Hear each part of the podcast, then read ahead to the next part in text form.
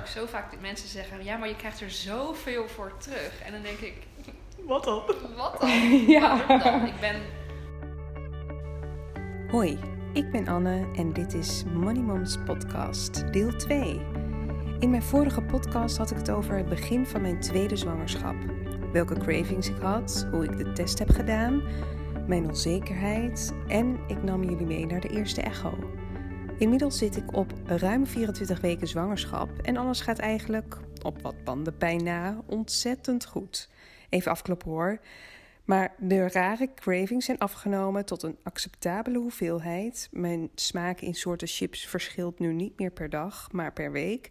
En geitenkaas is weer helemaal mijn ding.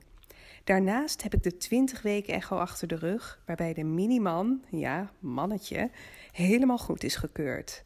En we zijn begonnen aan de babykamer, die overigens wat minder haast heeft dan de eerste, maar dat schijnt normaal te zijn. Je bent tenslotte een stuk drukker met een peuter in huis. In deze podcast heb ik het over mijn dilemma over het indelen van mijn tijd als de baby er straks is. Met één kind is het 's avonds na het werk flink haasten. Maar hoe moet dat dan straks met een baby erbij? Hoe doen andere moeders dat? Hoe doen moeders dat met drie kinderen in hemelsnaam? Nee, het zit heel rustig te kijken. En Mats, waar is jouw broertje? Babybroertje? Ja, je krijgt een babybroertje. Vind je leuk, hè? Ja. Vindt papa ook leuk? Ja, we vonden het heel leuk. En we hadden eigenlijk geen voorkeur. Toch? Nee, niet echt. Nee, ik ook niet echt. Toen ik zwanger was van Mats, toen eh, Hoopte ik sowieso een jongetje. wat. Toen hoopte ik een jongetje. Toen ik zwanger was van Mats. Stiekem. Maar Ja? ik dacht een meisje. Oh ja, ik dacht dus ook een meisje. Maar omdat zoveel mensen dachten dat we een meisje zouden krijgen, Werd het een jongetje? werd het een jongetje, maar ging ik me er ook op instellen. Ja. En toen wist het pas bij de 20 weken. Dus dat was dan nog wel extra eh, verrassing. Omdat je natuurlijk ook. Is een medische echo. En dan krijg je natuurlijk te horen of het gezond is en het geslacht. Dus je krijgt dubbel zoveel eh, andere hand ook? verrassingen. Wat? Deze vinger nog een keer. Ja, dan knip ik heel je vinger eraf. Doe ik zo. Maar snap jij dat mensen voorkeur hebben? Kunnen hebben? Ja, aan de ene kant snap ik het wel. Maar ik zou niet nog een kind willen om, eh, om een, bijvoorbeeld een meisje te krijgen. Nee. Ik ook. Nee. Hé, hey, niet mij bijten. Sowieso is ieder kind weer anders. En dan maakt het geslacht, denk ik, niet zo heel veel uit. Nee, dat denk ik ook Ieder niet. kind qua karakter is anders. En dan hoor je wel eens van ja, ik wil heel graag een meisje, want het is leuk met poppen spelen en leuk verkleden en andere. Maar dat, dat weet je helemaal niet. Je weet niet wat voor persoon het wordt. Als het maar gezond is, dat is sowieso natuurlijk belangrijk. een meisje komt ook met jongens thuis, dat heb ik liever niet. Ja, nee. Ja, ja, maar dat is ook waar ik aan dacht. Oh, dan, dan, dan zullen we dat niet hebben. Hè? Dat- hebben ze aan mij verkeerde. Ja, maar de zorgen om, eh, ja, wat natuurlijk dat verhaal met Anne Faber en zo. En wat er wel eens, wat meisjes wel eens wordt aangedaan. Oh, dan denk ik, oh, het zou je dochter maar zijn. Jongens kan het ook net zo goed overkomen. Ja, maar dat gebeurt niet bij onze jongens. Hè? nee, Kleine dat hopen we natuurlijk niet. Ja, als ouder zul je die angst altijd wel hebben, ongeacht of het een meisje of een jongetje is. Wat als mijn kind in de verkeerde handen valt? In het geval van een meisje, in de handen van een crimineel, een verkrachter. In het geval van een jongen denk je dan misschien eerder aan verkeerde vrienden, ontspoorde puberteit, etc. Uiteindelijk maakt het geslacht dan ook weer niets uit. Onze kinderen zijn ons zo ontzettend dierbaar, maar zijn daarnaast ook kwetsbaar. Natuurlijk wil je ze behoeden voor al het kwaad in de wereld. Maar de praktijk laat zien dat dat, hoe vreselijk ook, niet altijd lukt. Goed, over naar een vrolijker fragment. Ik ben op een gemiddelde woensdag eten aan het koken. Mats heb ik net opgehaald bij de gasthouder en Alex is op deze dag altijd weg. Alex is gemiddeld twee nachten per week weg en komt vaak s'avonds laat thuis. Ik streef er altijd naar om rond half zeven te eten en meestal halen we dat wel. Soms ook niet, maar Mats vindt dat niet heel erg. Maar ik vraag me af, wat als de baby er straks is? Hoe doe ik het dan? Zo, Mats, hier, ik leg jou even hier neer. Oké, ik ben dus nu eten aan het koken. Het is inmiddels kwart voor zeven. De bloemkool is bijna gaar. Maar Mats heeft gepoept. Maar natuurlijk moet ik zijn luier even verschonen. En ondertussen zijn de aardappels al klaar. Die heb ik net afgegoten. De bloemkool moet nog heel even garen. En daarna eh, onze wokblokjes erin doen. En ik zit constant te denken: oké, hoe doe ik dat straks met een tweede kind? Eén kind is nog wel te doen nu. Alex is altijd eh, redelijk laat thuis. Oh ja, je hebt echt een hele dikke poep gedaan. En ehm, ja, ik, ik dus ook voor mijn werk. En voordat ik Mats heb opgehaald, is het gewoon al eh, ja, zes uur voordat ik thuis ben en kan beginnen met koken. Ehm, op zich, maar dit is echt prima te doen, want Mats gaat om acht uur naar bed. Dus als we tussen half zeven en zeven eten, dat heeft hij altijd prima gevonden. Maar met een baby erbij, ik, ik denk, eh, ja, ik, ik weet het niet. Die baby moet straks dan eh, misschien om zes uur een flesje. Eer je daarmee klaar bent, is het ook al een half uur verder. En dan moeten we nog beginnen met koken. Ik ga het even aan mijn moeder vragen. Maar ook aan vriendinnen. Hoe, hoe doen zij dat? Ik heb een vriendin bijvoorbeeld die vier dagen per week werkt. En ze heeft drie kinderen. Hoe heeft zij dat in hemelsnaam altijd zo gedaan? Ik weet nog dat ik het er laatst met haar over had. eh, van eh, hoe ze dat deed. Maar ze zei, ja, dat, ik, ik doe het ook best wel laat. Ik kook ook best wel laat. Ik heb geen idee hoe het kan dat mensen met drie kinderen of met twee kinderen om zes uur aan tafel kunnen zitten.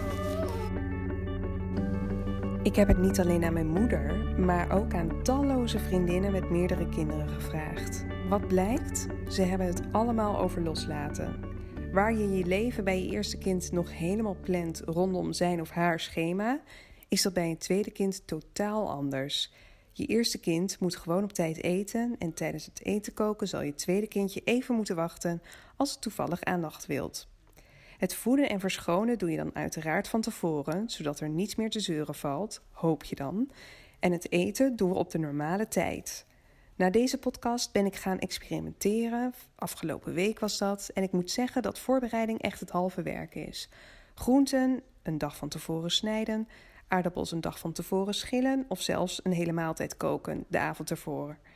Klinkt pittig, maar ik denk dat het plannen het ook weer juist zo relaxed mogelijk maakt. Toen ik er thuis, bij mijn ouders, over begon, smeet mijn vader de term curlingouders op tafel. Wat? Ja, curlingouders. Mijn vader probeerde het uit te leggen op een drukke donderdagochtend bij hen in de keuken.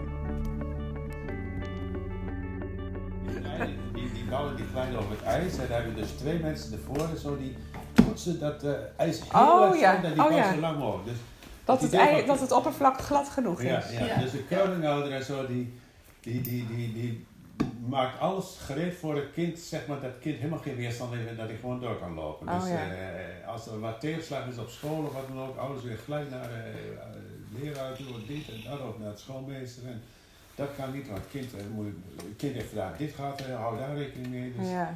daar geen weerstand. Oh ja. Dus eh, en, en dat moet je af en toe niet doen. Dus eh, af en toe laat hij maar gewoon vastlopen en eh, laat hij maar uitzoeken. ja. Snap je? Dus, Zoek je het eh, maar uit, Mats? ja.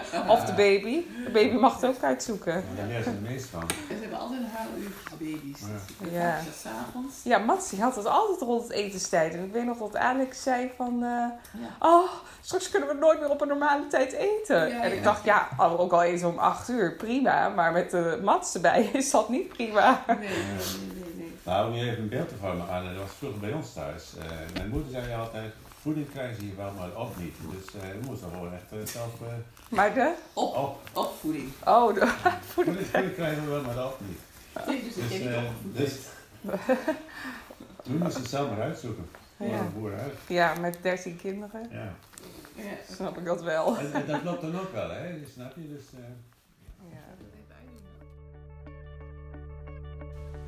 Mocht je het net niet goed gehoord hebben, mijn oma zei vroeger altijd: de voeding krijgen ze hier wel, maar de op niet. Nou, en dat begrijp ik volkomen uit haar mond, want ik heb een enorm respect voor haar. Ze heeft maar liefst, hou je vast, 13 kinderen gebaard en er vervolgens 12 grootgebracht. Mijn vader woonde samen met al zijn broers en zussen op de boerderij en hielpen dus allemaal een handje in het huishouden. Van het melken van de koeien tot het binnenhalen van de oogst en het maaien van het gras. Mijn opa vergat zelfs zo nu en dan hoe zijn pasgeboren kindje heette. De buurman kwam dan langs om hem te feliciteren met zijn kerstverse baby. En mijn opa stond ondertussen in de koeienstal te melken, moest zijn zwager, die dus hielp in het bedrijf, vervolgens vragen hoe zijn nieuwe zoon of dochter ook alweer heette. Het waren tenslotte al zoveel. Nou, goed. Genoeg over de curlingouders en het voeden zonder de op. We gaan overschakelen naar een heel ander onderwerp, namelijk gewenst kinderloos zijn. Het kan een bewuste keuze zijn die kan voortvloeien uit talloze redenen. Omdat je je wilt focussen op andere dingen in het leven bijvoorbeeld, of omdat de behoefte er simpelweg niet is. Het krijgen van kinderen leek vroeger vanzelfsprekend en bijna een must, een garantie voor jouw toekomst, maar ook een enorme toename in zorgen. Met de komst van de anticonceptie en de emancipatie lijkt gewenst kinderloos zijn helemaal niet meer zo gek. Want waarom zou je moeten voldoen aan het plaatje van de maatschappij als jij die behoefte niet voelt? Ook deze keuze mogen we geheel voor onszelf maken.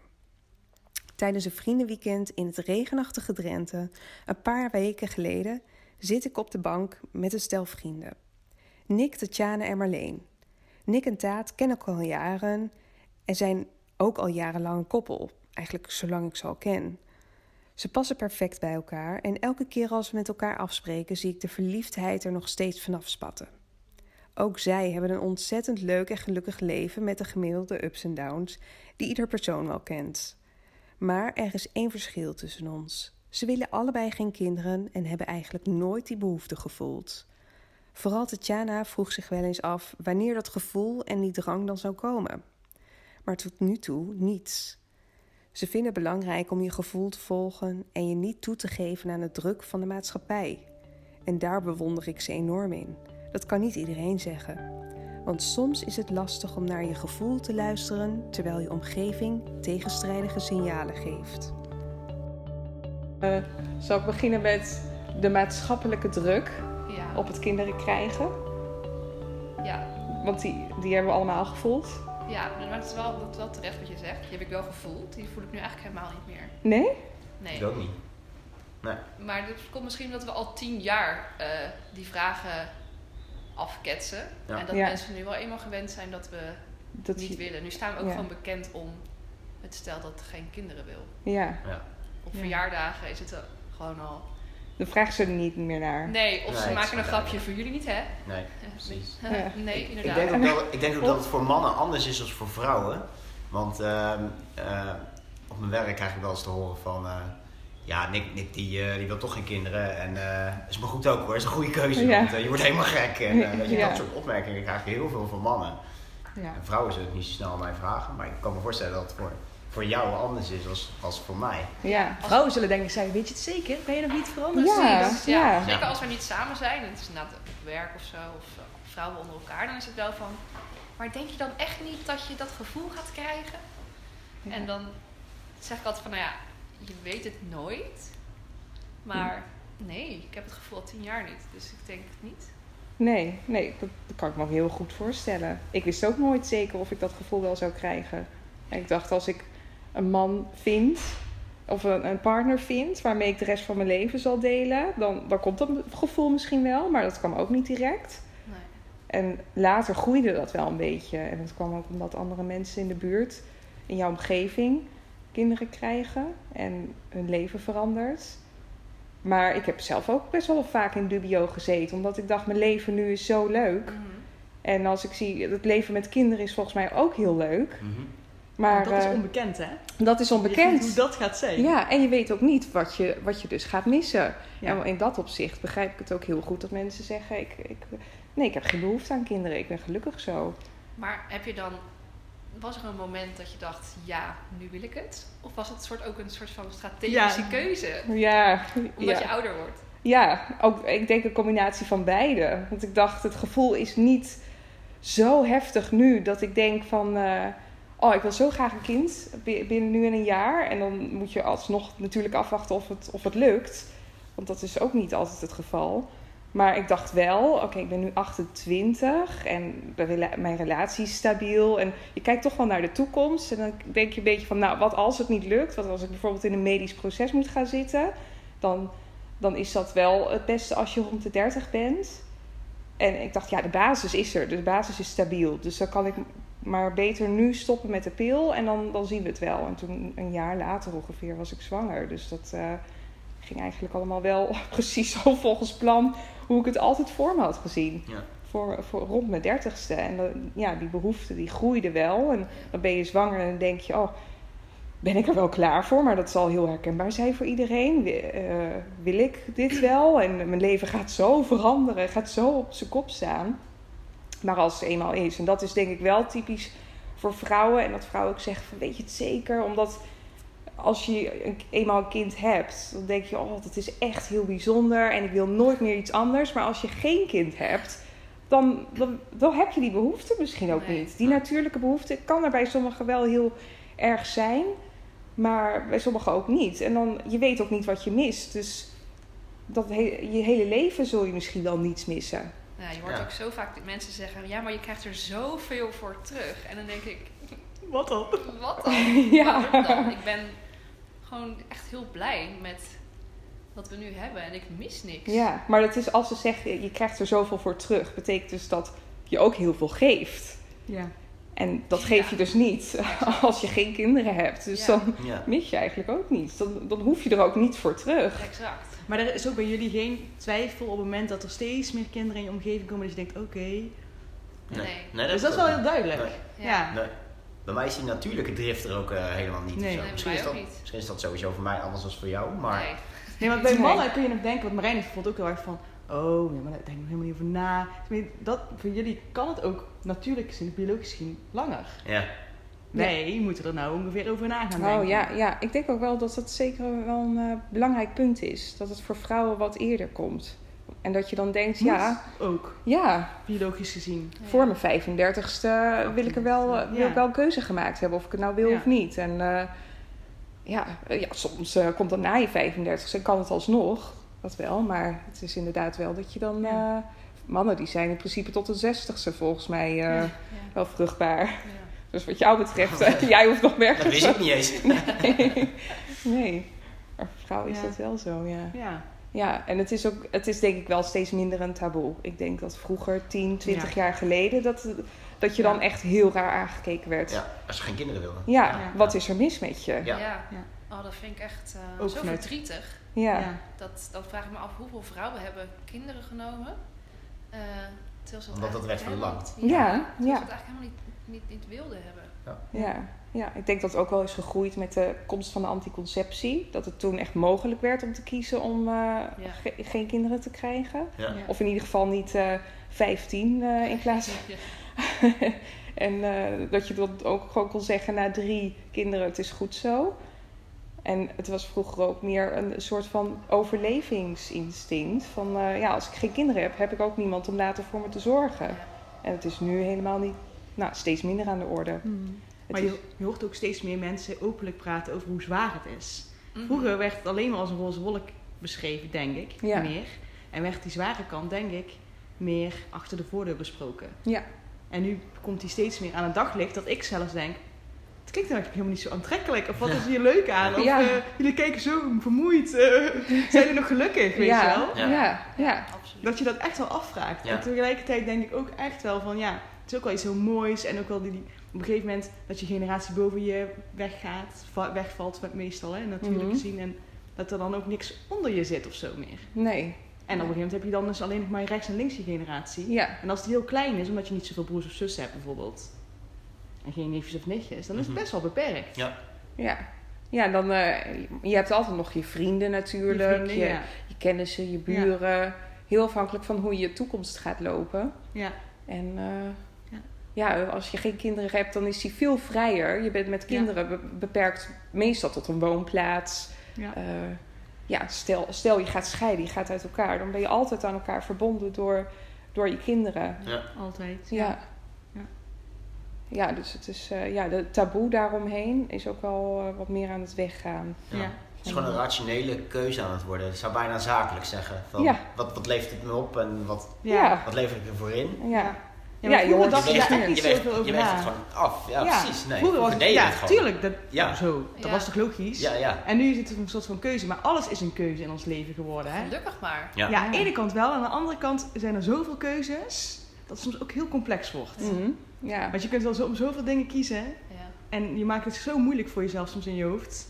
ja. ja. Soms wil je ook niet overal over willen kiezen of zo, snap je wat ik bedoel? Ik snap wat je bedoelt, alleen over kinderen. Ja, moet je wel kiezen. Dat is wel echt een ding. Ja, ja, ja daar, daar moet je ook wel echt voor gaan. Ja, Het is Ja. wel echt een eh, grote keuze in je leven. Ik heb een keer een collega gehad, dat is echt al een tijdje geleden. Eh, en die zei eerlijk tegen mij van ja, ik zou ze nooit meer willen missen. Maar als ik de keuze ha- had, 15 jaar geleden, want ze had inmiddels tieners, Ja, dan eh, had ik het nooit gedaan. ja.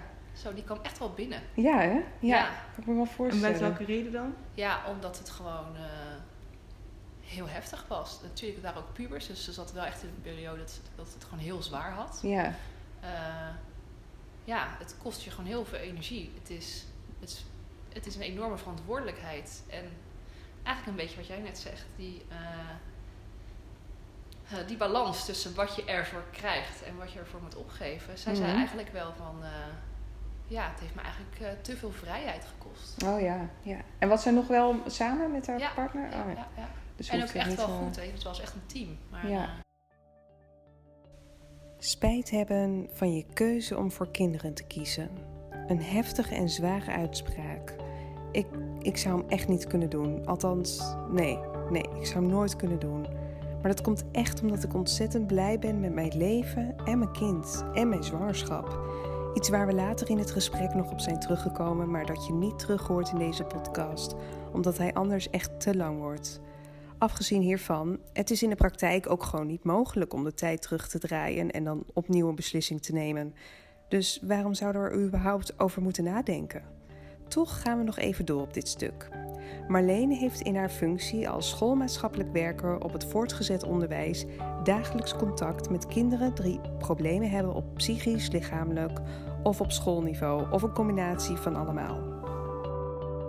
Ik denk ook dat het uitmaakt eh, wat voor kind je krijgt. En Ja. bijvoorbeeld of dat het inderdaad een normale ontwikkeling doorloopt. Of dat het een speciaal... Ik vind dat echt wel... Zorgenkindjes. Ja. ja. En wat het met je relatie doet. Ja, heel Ook. duidelijk. Ja. Ja. oh ja. Want daar komt ook wel echt Ja. druk op te staan. En dan heb je ook nog niet eens over gezond of wel gezond. Nee. Of ja, niet gezond, wel gezond. Maar Ja. Of het allemaal goed gaat, de zwangerschap. er kan zoveel misgaan. Ik zie Ja. alleen maar in, bij mij om werk wat er allemaal mis kan gaan. Ja. Nou hè? Ja. Oh ja. Dus ja. dan denk ik altijd van, nou, ik word waarschijnlijk een super overbezorgde moeder dan. Dat wil je niet zijn. Hoe ga je daar dan een balans in vinden? Ja. Sta je dan door je werk nog meer met je hakken in het zand? Ja, Als- dat je denkt, oh, Ja. ik vind de jeugd van tegenwoordig echt wel ongelukkiger, denk ik, als vroeger. Ja? Ja. En daar kan ik er nog niet zoveel over zeggen, omdat ik vroeger natuurlijk zelf jeugd was. Maar Ja. het idee heb ik wel. Ja. Dat, Oh, dat jeugd van tegenwoordig echt wel met veel meer dilemma's, met veel meer keuzes, met social media, dat Mhm. echt wel een ingewikkeldere wereld is om op, Ja. op te groeien dan dat wij opgroeiden. Ik ik mer- merk ook dat geluk tegenwoordig gebaseerd is op als maatstaf voor anderen. Dus hoe anderen Ja. het doen, daar baseer jij je geluk op. Doe ik het net zo goed? Heb ik net zulke leuke spullen? ja. Omdat we te veel van elkaar zien. dan. Ja, Veel ja. te veel. En Ja. oh nee, dat heb ik niet. Ja. Ja, dus ik ben niet gelukkig en Nee. eh, oh, ik heb echt eh, een rot leven. Ja, Er zijn op vroege leeftijd al veel meer verwachtingen. ja dat van wel. anderen, en dus- maar ook je legt meer- veel meer verwachtingen bij jezelf. Omdat Ja. je dat bij anderen ziet. Het Ja. steekt elkaar negatief aan. Eigenlijk. En alles Ja. moet goed zijn. Ja. Hè, je wil het goed in je werk hebben, je wil het goed in je relatie hebben, je wil het goed in, met je kinderen hebben, je wil het Mhm. goed met je vrienden hebben. Dus je hebt allemaal rollen die je dan op dat moment aanneemt. En als je dan al die latten heel hoog legt, Ja. en als je dat als ouder doet, dan, doe, dan neem je kind dat denk ik ook over. Ja. ja, we willen allemaal de beste school voor onze kinderen. Ja. eh, maar we willen ze ook de vrijheid geven om kind te zijn. En we willen dat ze het allemaal goed doen. Ja. En eh, ja, scholen, dat is natuurlijk ook echt wel een vraag hier van... eh, oh, vragen we niet te veel van onze kinderen? En eh, Ja. moeten we niet meer vrij, vrijer zijn in opvoeding? Maar het is denk ik ook zo lastig. Ja, de curlingouder. Bijvoorbeeld, hè, dus Ja. de ouder die alleen maar, die niet meer leert kind op te vallen. Ja, Alleen nog maar leert op te staan. Wat voor kind krijg je daarmee? Dat, Ja. dat was bij ons laatst ook een onderwerp bij een congres van ja. Dan krijg je dus kinderen die dus veel sneller depressief worden of eh, Ja. sneller emotioneel zijn. Of, eh, ik zei mijn vader nog van de week... je moet geen curlingouder worden hoor. Omdat ik, eh, ik- weet ik veel, ik zei Mats viel. En Ja. eh, ik zei, oh, Oh, ja, jeetje, ja. de pijn. Hij hoefde niet te huilen. Mijn vader, je moet geen curlingouder worden hoor. Dit is echt nieuw voor mij. Wat is een Ja, ik, is voor mij ook. Wat, is wat is het dan? Nou, Dus- je weet toch wel wat curling is? Dat, met dat bezempje. Ja, ja. Alles de weg schoonveegt voor je, Ah, ja. Voor je kind, zal ik maar zeggen. Ja. dat Oh, je ja. niet leert vallen. Ja, ja, ja. Terwijl dat juist dat vallen en hem zelf laten vallen en hem zelf ook wel laten opstaan tot een bepaalde hoogte heel goed is Ja. om voor een kind zelf te doen. Ja. En dat het kind dat ook zelf moet leren. Terwijl wij als ouders nou eens vroeger, als je een 3 had gehaald, dan eh, wisten je ouders A niet dat je een 3 had gehaald, want we hadden geen magister en zo. Nee. Maar B, eh, dan was het oké, eh, shit, en de volgende keer moet je een, eh, even wat beter leren. Ja. Nu is het dat die ouder naar de leerkracht belt, waarom heeft mijn zoon een 3 gehaald? Ja. Dat is gewoon echt wat, wat er verandert, zal ik Ja. maar zeggen. Ja, ja, En weet de ouder het al eerder dan het kind soms, omdat hij al op de magister zit. ja, ja. Want je ondervindt dan zelf, of we ondervonden zelf, de problemen die dat opbracht.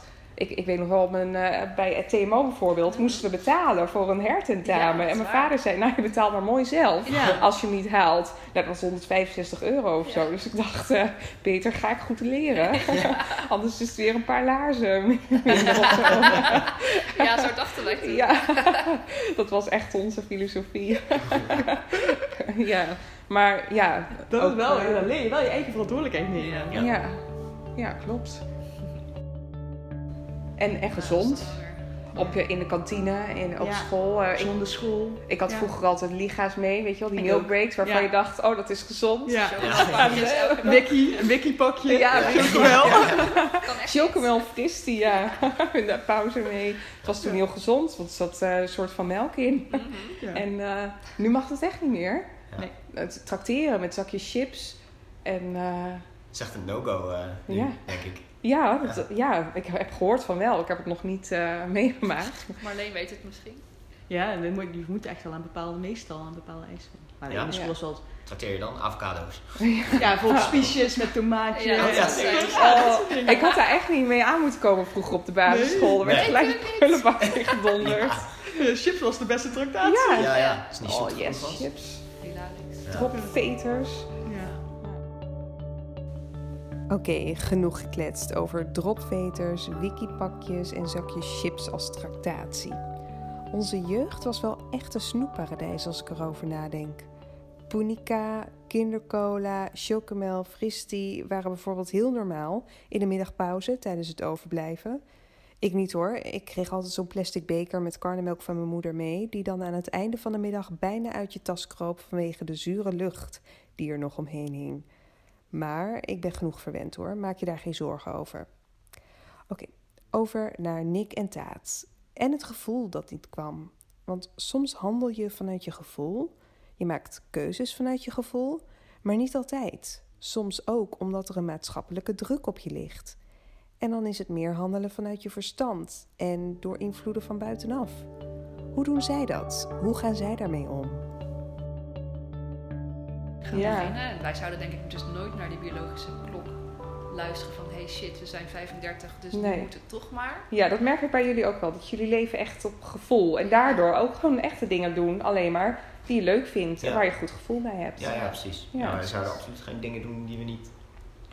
Waar we Nee, geen goed gevoel bij hebben. Of wat Nee. moet, Ja. of wat... Woord of Ja. dat is natuurlijk ook wel goed hoor. Dat je, want op een gegeven moment kan... Bij sommige mensen kan dat een twijfel geven. Van ja, maar iedereen om me heen... nee, eh, die krijgt kinderen en die zegt dat ik kinderen moet krijgen. Ik Ook heb dat. zelf dat gevoel nog niet. Nou, moet ik er dan toch niet maar Ja. aan Ja, gaan ja, ja, beginnen? want dan komt het gevoel misschien Ja. wel. Ja. Misschien hebben die anderen wel gelijk. En dan, Ja. eh, ja. Oh, verschrikkelijk lijkt me dat. Ja, en ik vind het ook wat ik ook nog wel eens een lastig dingetje vind, is van je ouders. Ja, die ouders van ons willen dolgraag opa en oma worden. Maar de keuze is geheel aan ons. Op een bepaald moment, dat had ik namelijk ook, komt er een punt waarop je denkt: de basis is er, nu zouden we theoretisch gezien klaar kunnen zijn voor een kind. Bij mij kwam dat net voor mijn dertigste levensjaar, bij Alex ja, rond zijn 29ste. Ik dacht dat ik ongeveer 28, 29 was toen ik uh, stopte met de pil. Maar ik heb ook vriendinnen bij wie de basis er in hun ogen al was op hun 21ste. Of de basis was er totaal niet in hun ogen. Maar ze maakten er toch het beste van. Omdat we zoveel keuzes hebben in het leven, wordt het ook weer lastig om daadwerkelijk die keuze te nemen. Wanneer moet ik nou eigenlijk? Je bent nu oud. 29. Ja. Ja. Ja, Zo komt die wordt echt 30 zo'n, in de lucht hangen. Ja, Ja. dat maar is een dat is ook wel weer iets heel rationeels. Dat is weer eigenlijk een Ja. soort feit. Maar Ja. wat zegt je gevoel dat je moet doen? In mijn gevoel zegt, ehm, wij kunnen dat echt wel als het zou komen. Maar nu nog heel even niet. Ja. Maar, ja, nu nog even, even, hoe lang Ja. is dat? Ja, Nou, tot, Ja. het moment, tot het moment dat jouw gevoel zegt van, oké, Ja, Ja. maar het lastige is dat je dan dat kunt bepalen. En de volgende maand zwanger kan zijn. En dan Ja. denk ik, kut, eh, dit was niet helemaal in mijn hoofd of zo. ja, dat dacht ik ook. Als ik, maar als ik nu stop en ik ben over een maand, zou ik dat dan echt, zou ik dat dan echt willen? Ja, maar ik weet niet of ik er Ja, klaar voor eh, ben paniek, dan. paniek. Ja, Eh, maar het kan ook nog vijf jaar duren. Of wel langer. Ja, of het kan ja. nooit Ja. gebeuren. Of Ja. je krijgt nog drie miskramen. Of eh, ja. weet ik veel wat. Er kan, Ja. Er overlijdt een kindje, zoals nu bijvoorbeeld in onze vriendengroep is gebeurd. Dat, is wel, dat zijn best wel heftige dingen dat je ook denkt van ja, dat is allemaal niet zo heel vanzelfsprekend. nee. Dus als je wel weet dat je het wilt, maar ja, en je gevoel nog altijd die vrijheid nog zo erg naar je lokt. Maar die vrijheid zal altijd naar mij blijven Ja, lokken. dat, ik denk dat, dat dat gevoel dat blijft. Ook als je zwanger bent, Ja, dan zal, ja, maar, maar dan, dan het eerste jaar is, vond ik, gewoon even bikkelen. Omdat je dan een baby hebt. En tuurlijk.